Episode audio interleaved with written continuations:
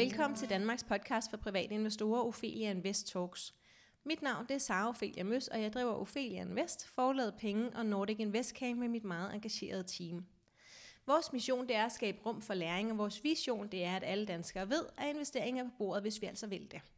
Strukturen er, at vi udkommer ugentlig om fredagen i cirka 30 minutter, og vores hovedsponsor det er Almindelig Brand og Spotlight Stock Market.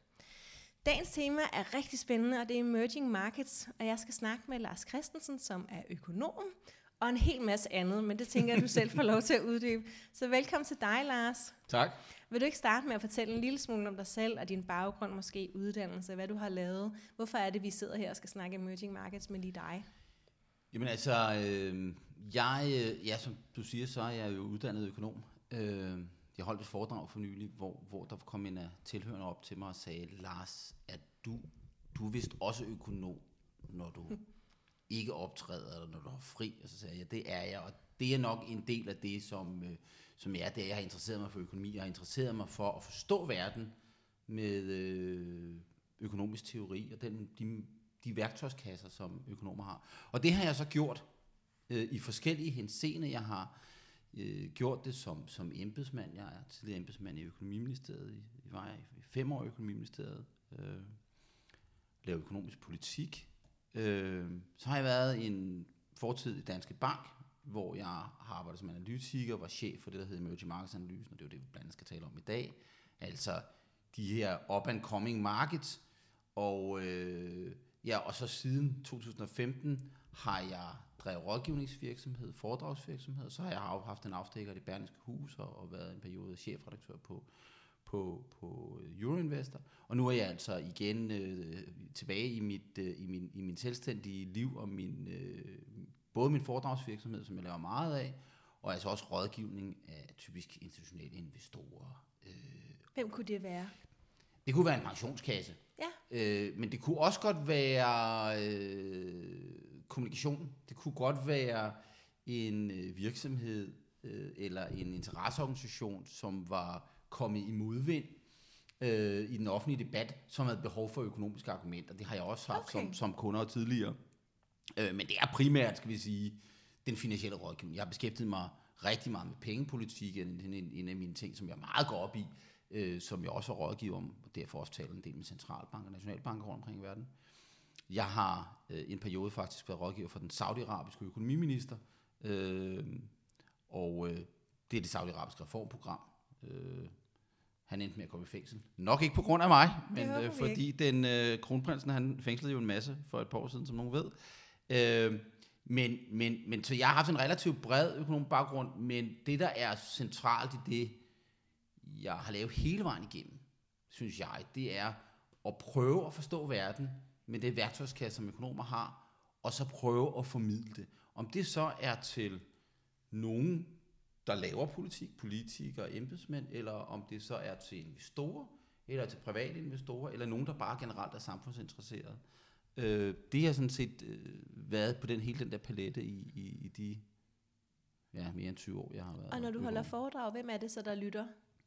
Jamen det er Eller faktisk, øh, faktisk øh, meget forskelligt. Øh, I går øh, var jeg ude og holde, øh, holde et foredrag for en, øh, sådan en business club, altså ja. erhvervsfolk, øh, som egentlig ikke var investorer, men som var interesseret i, hvad sker der i verden, og hvad sker der med økonomi.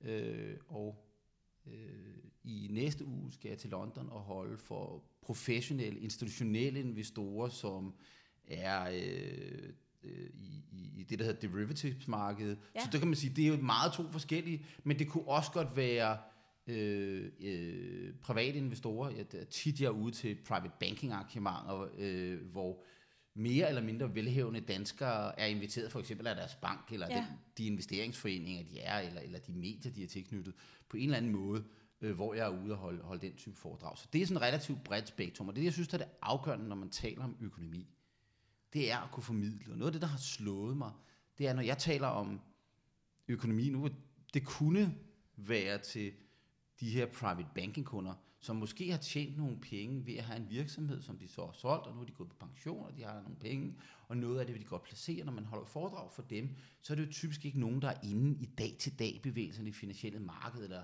eller hvem er det nu, der er centralbankchef i, øh, i Polen, eller hvad det nu skulle være. Øh, men de har en eller anden oprigtig interesse i samfundsforhold og i markeder. Når man taler med dem, så er det sådan set ikke så anderledes end det, der skal laves for en 200 hedgefolk, hedgefondinvestorer i London til et stort seminar. Det, det, det er egentlig de samme historier. Nogle gange så skal man så at sige bruge lidt forskellige indgangsvinkler, tale lidt forskellige sprog, men, men, men i bund og grund så handler det om det samme. Og så synes jeg, det er, det er vigtigt, at, øh, at når, man, når man taler om det her, så have et, øh, en ret betydelig element af ydmyghed. Ja. Og det er faktisk noget af det, jeg bruger rigtig meget tid på, og jeg synes i stigende grad de sidste 10 år efter 2008, har der været et behov for, at der er mange, der er blevet udråbt til at være investeringsguru, og han forudså det her. Den her uge, vi optager det her, der har Noel Rubini, min gamle bekendte øh, amerikanske øh, økonom, jo været i København og tale, og han går under navnet Dr. Doom. Og jeg kunne se i diverse finansielle medier, der blev beskrevet som, han forudså krisen i 2008. Det gjorde Noel Rubini ikke. Han forudså et eller andet, og der skete et eller andet, og så kunne han sige, det jeg gjort. Han har så i øvrigt forudsået doom and gloom lige siden. Jeg håber ikke, at han har været short det amerikanske aktiemarked i den periode, fordi Nej, så, han, så, han så, så mange tager rigtig mange penge, og det har han selvfølgelig heller ikke været.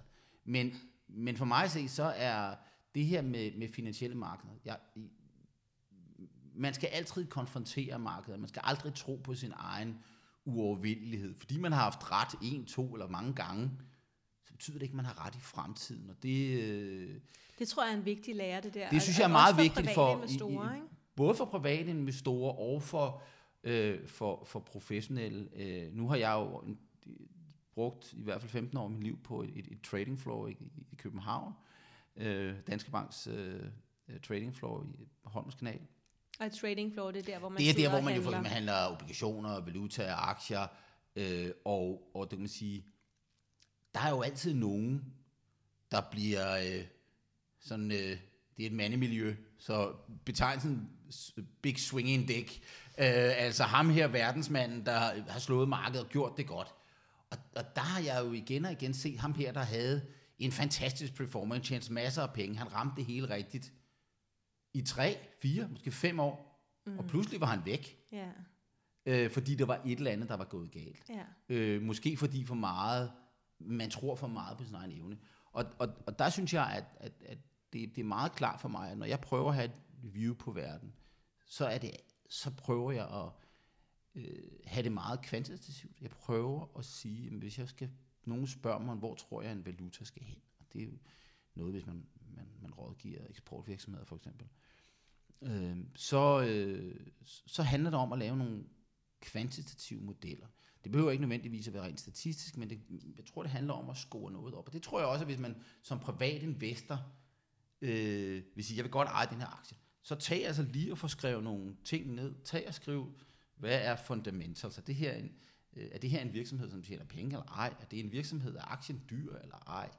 Øh, er det her en aktie, som er meget korreleret Altså svinger den samme retning som alle de andre, jeg har? Er det noget, der bidrager til at sprede min risiko? Altså så at sige, lave sin egen scorecard. Og så være meget stringent med det. Fordi nogle gange så er det sådan, at det du troede, og det du følte var det rigtige, når du konfronterer det med data, øh, så, så, øh, så, så bliver virkeligheden en anden. Øh, man skal ikke opfatte sine aktieinvesteringer som det fodboldhold, man er forelsket i. Nu er jeg jo FCK-fan, men jeg kunne da aldrig finde på at købe FCK-aktier. Det er min gode ven. Mm-hmm. Øh, med, med, næsten, nogen, derude, med, med mit samme navn, næsten samme navn som mig, øh, øh, uvenner med mig, men, men, men, men, men fodboldaktier er i hvert fald ikke noget, man køber som en investering, vel?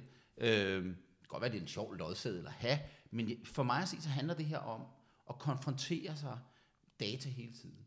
Øh, og det betyder også, når man agerer i markederne, det betyder, at man, og det, det kan lyde banalt, men det her med at og, øh, og sørge for at sprede sin risiko. Det her med at, at, at have fornuftige stop losses, altså at sige, jamen nu har jeg altså tjent så mange penge. Jeg har allerede, inden jeg går ind i investeringen, sagt, når den rammer det her niveau, så skal jeg gøre x, y, z. Jeg skal enten vurdere det, jeg skal konvertere det med data, jeg skal lave en analyse igen. Jeg skal også sige, jamen hvis aktien falder, så skal jeg sige, jamen nu tager jeg mit tab. De ting skal man have sagt inden, og det lyder meget banalt. Men for mig at se, så det at investere, øh, det er sådan et håndværk, det er i virkeligheden meget usekset. Øh, og, og, øh, og, og, og det er enormt Og svært. meget lidt romantisk. Ekstremt lidt romantisk. Ja. Og, og, og øh, når man bliver konfronteret med den her privatinvestorverden, så møder man jo ofte sådan nogle fortællinger om, den og den aktie er fantastisk, og det at det sker og sådan noget. Og det er jo fordi, vi som investorer forelsker os i historien om selskabet. Mm. Hvis, hvis du møder nogen, der har investeret i Tesla for eksempel, så kan de Ja. faktisk begynde at fortælle om produktet. Og så skal du sige, jamen det er jo meget fint, men er der nogen i verden, der ikke har indset det, og er det ikke allerede reflekteret i prisen? Nu har jeg ikke noget syn på Så hvis vores- vi vender tilbage til dine spørgsmål, tjener de penge? Er den dyre?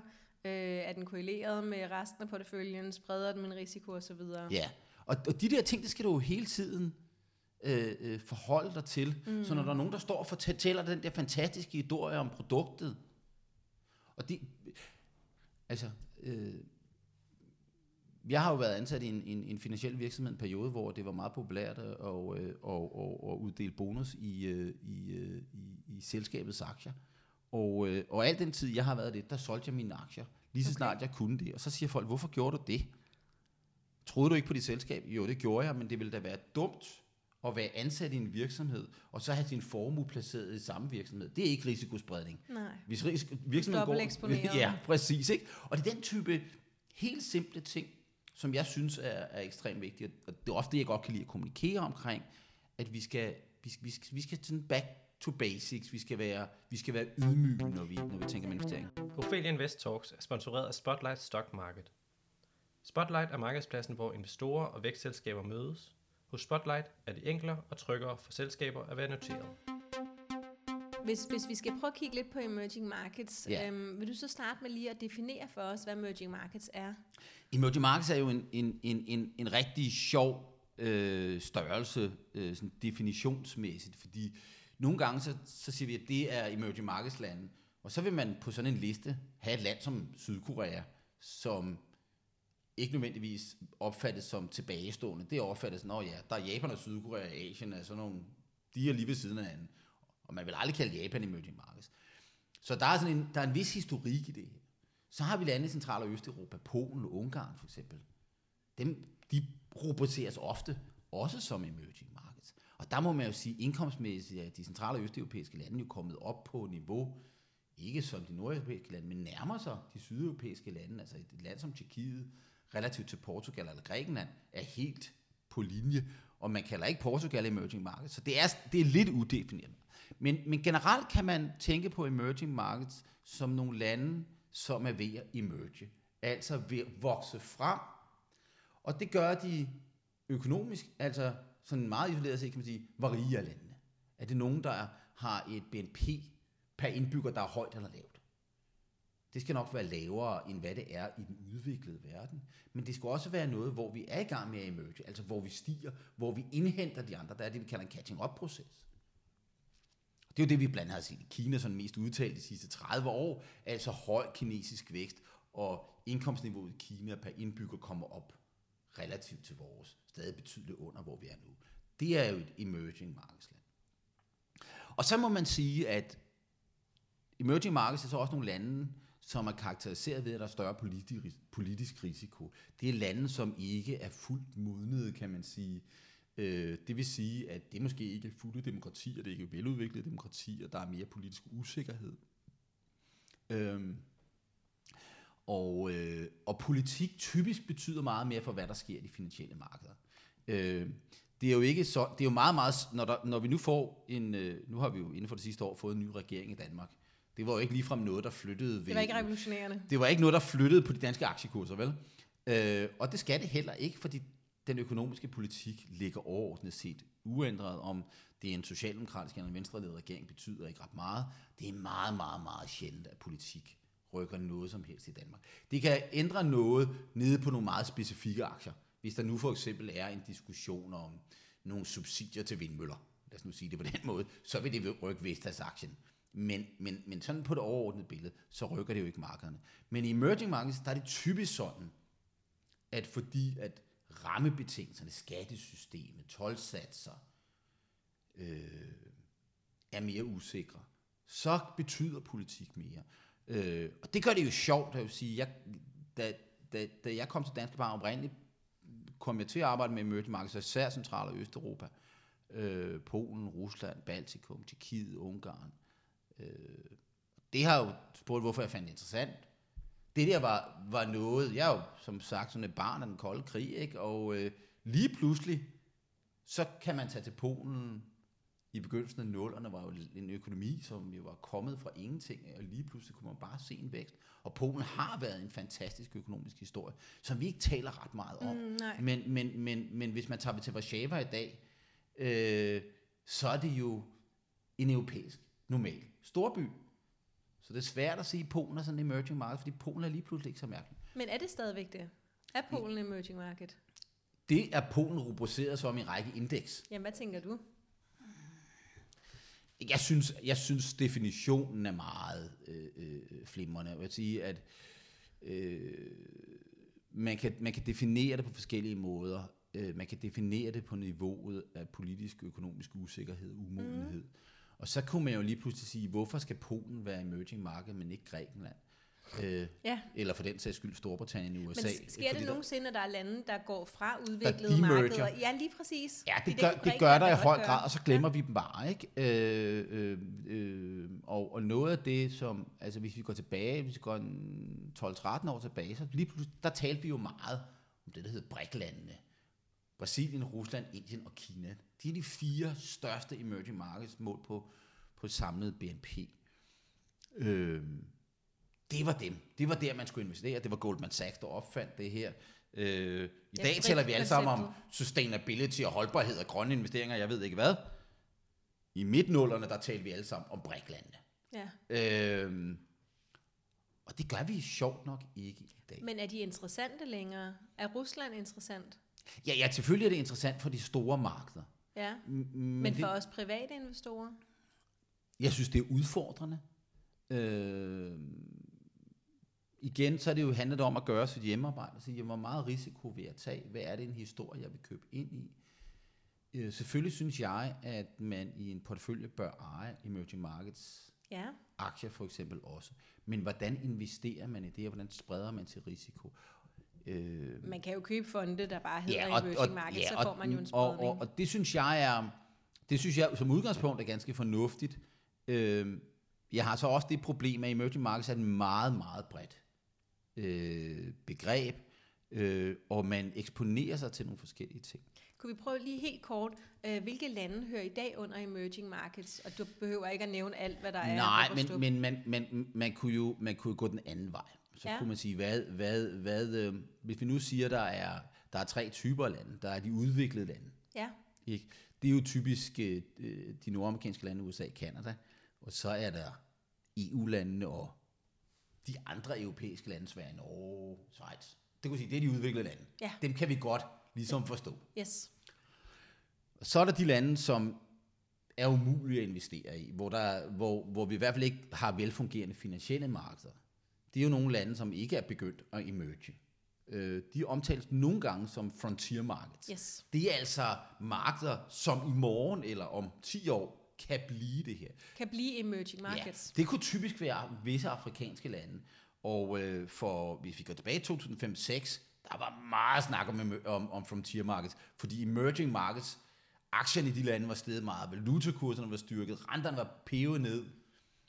Og så begyndte investorerne at sige, what's skal vi next? så? Ja, hvad skal vi så? nu har vi været med i en fantastisk ride her, hvad er den næste? Og der begyndte vi jo alle sammen at tale om, emerg- om, om frontier markets. Øh, øh, forskellige afrikanske lande. Jeg har beskæftiget mig meget med afrikansk økonomi, jeg er meget optaget af det. Øhm, Det vil også være med sådan noget Kambodja, Vietnam. præcis, det er også et typisk lande, som, øh, som, som ligger et eller andet sted mellem. Altså Vietnam er jo et land, som, som virkelig er kommet på radaren, som, som noget, vi kan, vi kan investere i. Der er Men kan vi det? Ja, det kan vi. Der, der er, øh, hvis vi nu skal tale Vietnam, så er der faktisk en, en fond, der hedder Dragon Fund, så vidt jeg husker, Ja. som er rent... Øh, Men kan vi private investorer? ja, den, den fond tror jeg godt, man, man kan købe. Okay. Øhm, øh, jeg har ingen anelse om dens performance, Nej, øh, og, men, men, men, men der er, det er en måde at eksponere sig til, til en vietnamesisk historie, hvor der er jo forskellige, der er jo forskellige elementer. Hvis vi nu sagde, hvad vil mit bud på, hvor, hvad skal grundbetingelserne være for, at der er en interessant emerging markets Ja, For det første, så skal der ligesom være en track record. Det er ikke nok at sige, her har de lige åbnet aktiemarkedet, og øh, det, bliver, det bliver skide godt.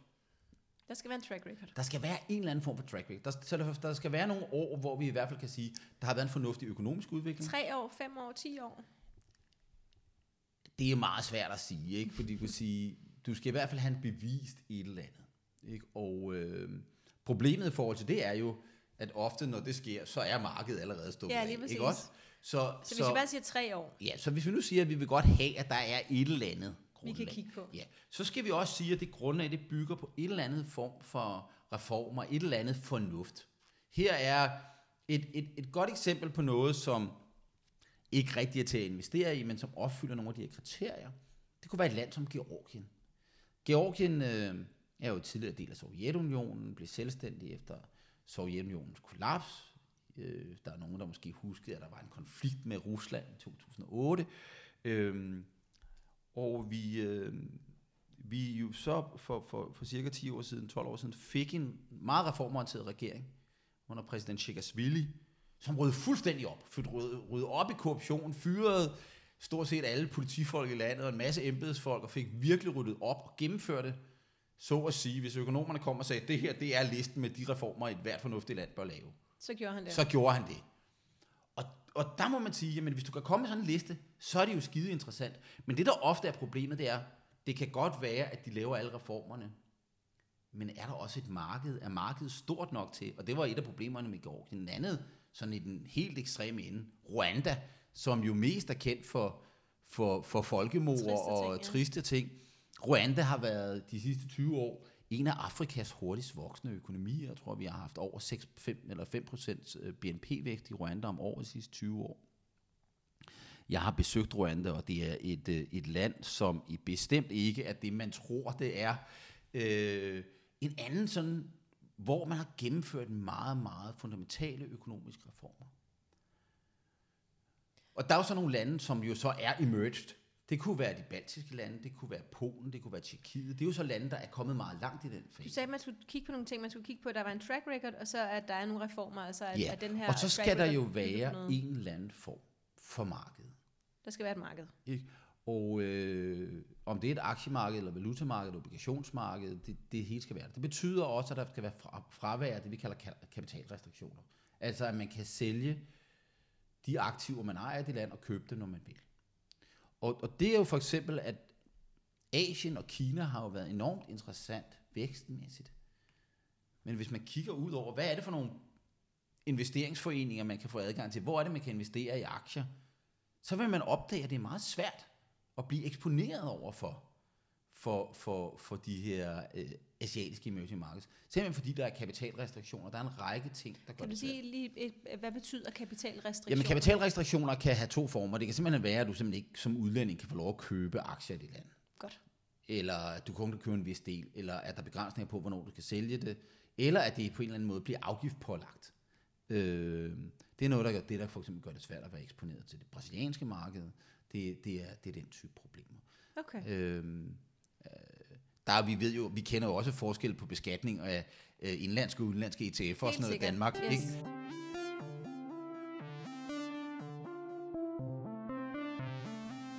Flere og flere betragter miljømæssige og sociale hensyn som væsentlige i forbindelse med investeringsmæssige beslutninger. Vil du også have et godt afkast og gøre en forskel med dine investeringer? Hos Almindelig Brand Invest investerer vi i det, der gør verden bedre. Du kan søge efter Almindelig Brand Invest i din online investeringsløsning.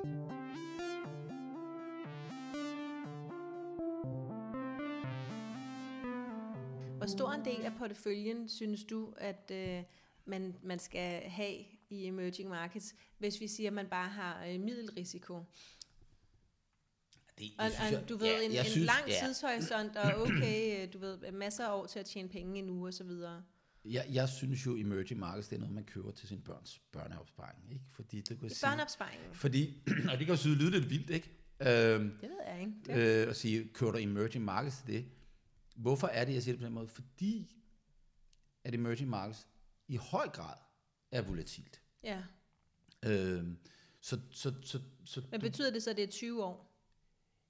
ja, eller 10 år. Ikke? Altså, Så mellem det er, 10 og 20 år? Ja, det, jeg synes, det er lange tidshorisonter, Ja. ja. og, øh, og øh, der er jo masser af øh, relativt unge mennesker, eller bare folk i Ja, ja, ja, 30'erne absolut. eller 40'erne, der sagtens Ab- kan være med absolut. der. Absolut. Ja. Altså, jeg synes, at emerging markets er, er øh, nu har jeg beskæftiget mig i emerging markets, jeg er vild med det, men jeg må også sige, at de sidste 10 år har været forfærdelige for emerging markets. Ja. Det kan man jo så se på, som man vil.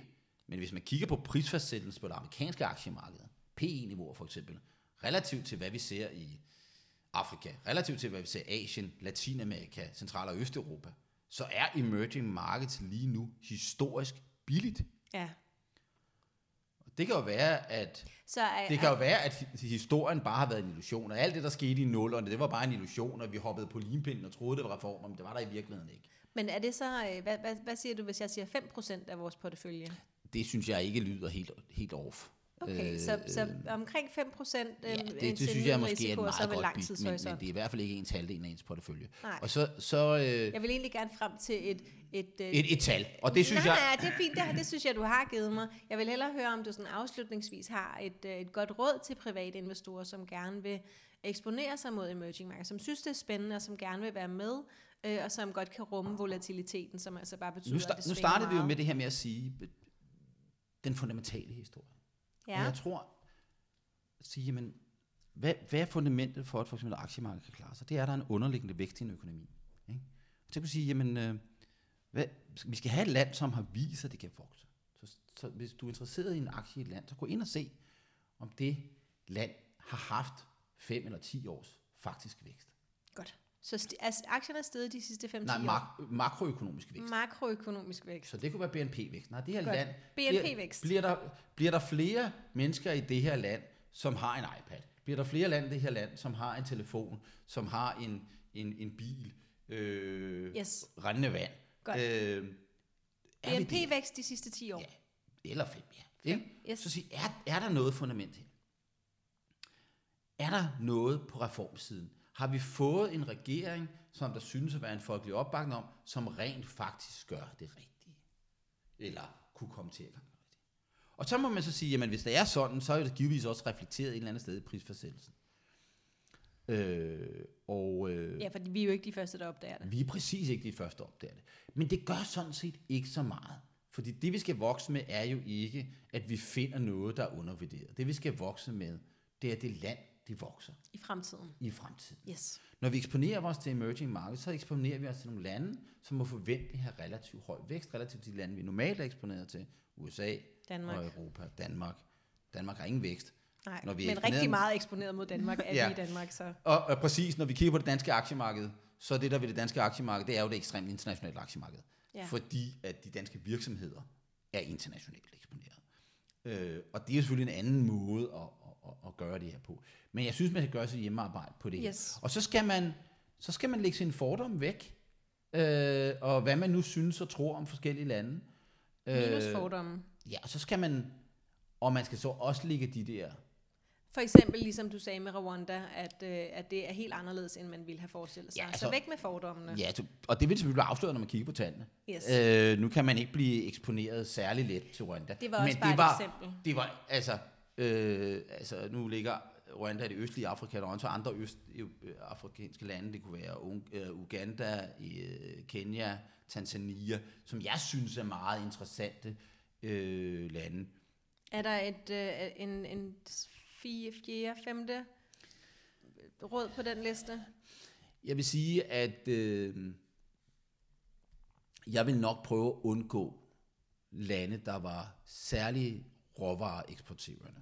Så jeg, Okay. her, her vil vi jo have et land som Chile, som vi talte om lige før. Ja. Chile er et land, som har et relativt højt indkomstniveau og har haft en, en sådan proven track record, både på vækst og reformer. Øh, der har været noget uro i, i, i Chile politisk og demonstrationer i 2019. Og, Og det er Chile på grund af volatiliteten det, det, i efter min, valutaen. Efter min mening, at den, det, der er sket i Chile i 2019, handler høj grad om, at vi har haft faldende groverpriser og lavere vækst, og det skaber sådan noget økonomisk usikkerhed, som så kræver noget... noget. Ja. Chile på den måde er interessant lige nu, for måske er det faldet for meget. men du er eksponeret over for råvarepriserne, så det kan godt være, at du har fundet verdens bedste historie, men hvis der ikke er vækst i Kina, og råvarepriserne er blevet ved at falde, Så kan det være det så er din verdens bedste historie ikke noget værd. Så jeg vil faktisk prøve at komme lidt udenom det. Og derfor, øh, hvis du gør det, så bliver paletten bare mindre og mindre. Så det Øh, vil sige, at vi skal gøre vores hjemmearbejde, og det betyder, at vi skal øh, kigge på fundamentalerne. Ja. Så for det første, så skal der være BNP-vækst de sidste 5-10 år. Øhm, der skal være en reformvenlig regering og nogle fremskridt i sigte. Øhm, der skal, vi skal lade fordommene ligge i skuffen, og så skal vi undgå lande, som er meget råvareafhængige. Ja, præcis. Er det det gode råd? Det tror jeg, det er de øh, fem punkter, eller hvor meget det blev til. det var som, fire, øh, men, som, men det er ja, så fint. Øh, så, så, så øh, og så, ja, altså igen, og det aller sidste, det er vel tålmodigheden. Tålmodighed. Altså, øh, Det er også et godt råd. Ja, Særligt, altså, det er jo- særligt når vi nu har den lange tidshorisont der. Ja, fordi øh, lav dine investeringer, øh, det er jo et generelt råd, at man, man, man laver sine investeringer, man Og så skal man ikke, lade dem ligge. du skal gå væk fra dem, Yes. øh, og så skal du i øvrigt rekalibrere din portefølje Yes. øh, og rekalibrere. Det er det samme som betyder, at hvis det nu går rigtig godt, du Yes. har købt Yes, det, det- var ikke for, at du ja. skulle forklare det. Jeg vil Ja. bare lige sætte et andet ord på Ja, jeg skulle sige, du har, jeg synes, det er meget, meget vigtigt. Og særligt land som i forhold til emerging markets. Nu har du købt, nu har du investeret i et tyrkisk aktieselskab, og det er nu 400% op. Og nu fylder det ikke 5% øh, Nej, af din portefølje, det. men 20% af din portefølje. Ja. Og så, "Åh, det er bare det bedste. Og nu fortæller du alle vennerne, hvor god du er. Det næste, der sker, det er selvfølgelig, at de kollapser. Der skal du selvfølgelig sætte ud af det, fordi at Det der er ingen, 5%. ingen selskaber, der nogensinde skal komme til at fylde for meget i din portefølje. Nej. Så spreder du ikke din risiko. Så rebalancering eller rekalibrering. Ja, det synes jeg er ekstremt vigtigt. Det synes jeg bare generelt er meget vigtigt. Det gode ved det er også, at man altid sælger det, der stiger, og køber det, der har været faldet, så man læner sig hele tiden i retning af at være sådan lidt, kan vi sige, fundamental investor. Og det er på lang sigt nok ikke det værste, man kan gøre. Slet ikke. Tusind tak, fordi du ville være med, Lars. Det var en fornøjelse. var meget informativt. Du kan følge Ophelia Invest på Facebook, Instagram og YouTube. Feedback er meget velkommen. Hvis du har ris, ros eller forslag, så send os endelig en mail på kommunikationsnabel.ofeliainvest.dk. Fordi vi nærmer os 28. marts, vil jeg også lige slå et slag for øh, Nordic Invest Camp, som er Danmarks største endags event inden for investering for private investorer. Det er 12 timer, 60 oplægsholdere, 3 scener og 1000 deltagere. Godt, gå ind på nordicinvestcamp.dk, og så kan du læse mere om det. Du er også velkommen i Aktieklubben Danmark og Kvindelogen, vores to store Facebook-grupper. Og så er der bare tilbage at sige tusind tak, fordi du lyttede med.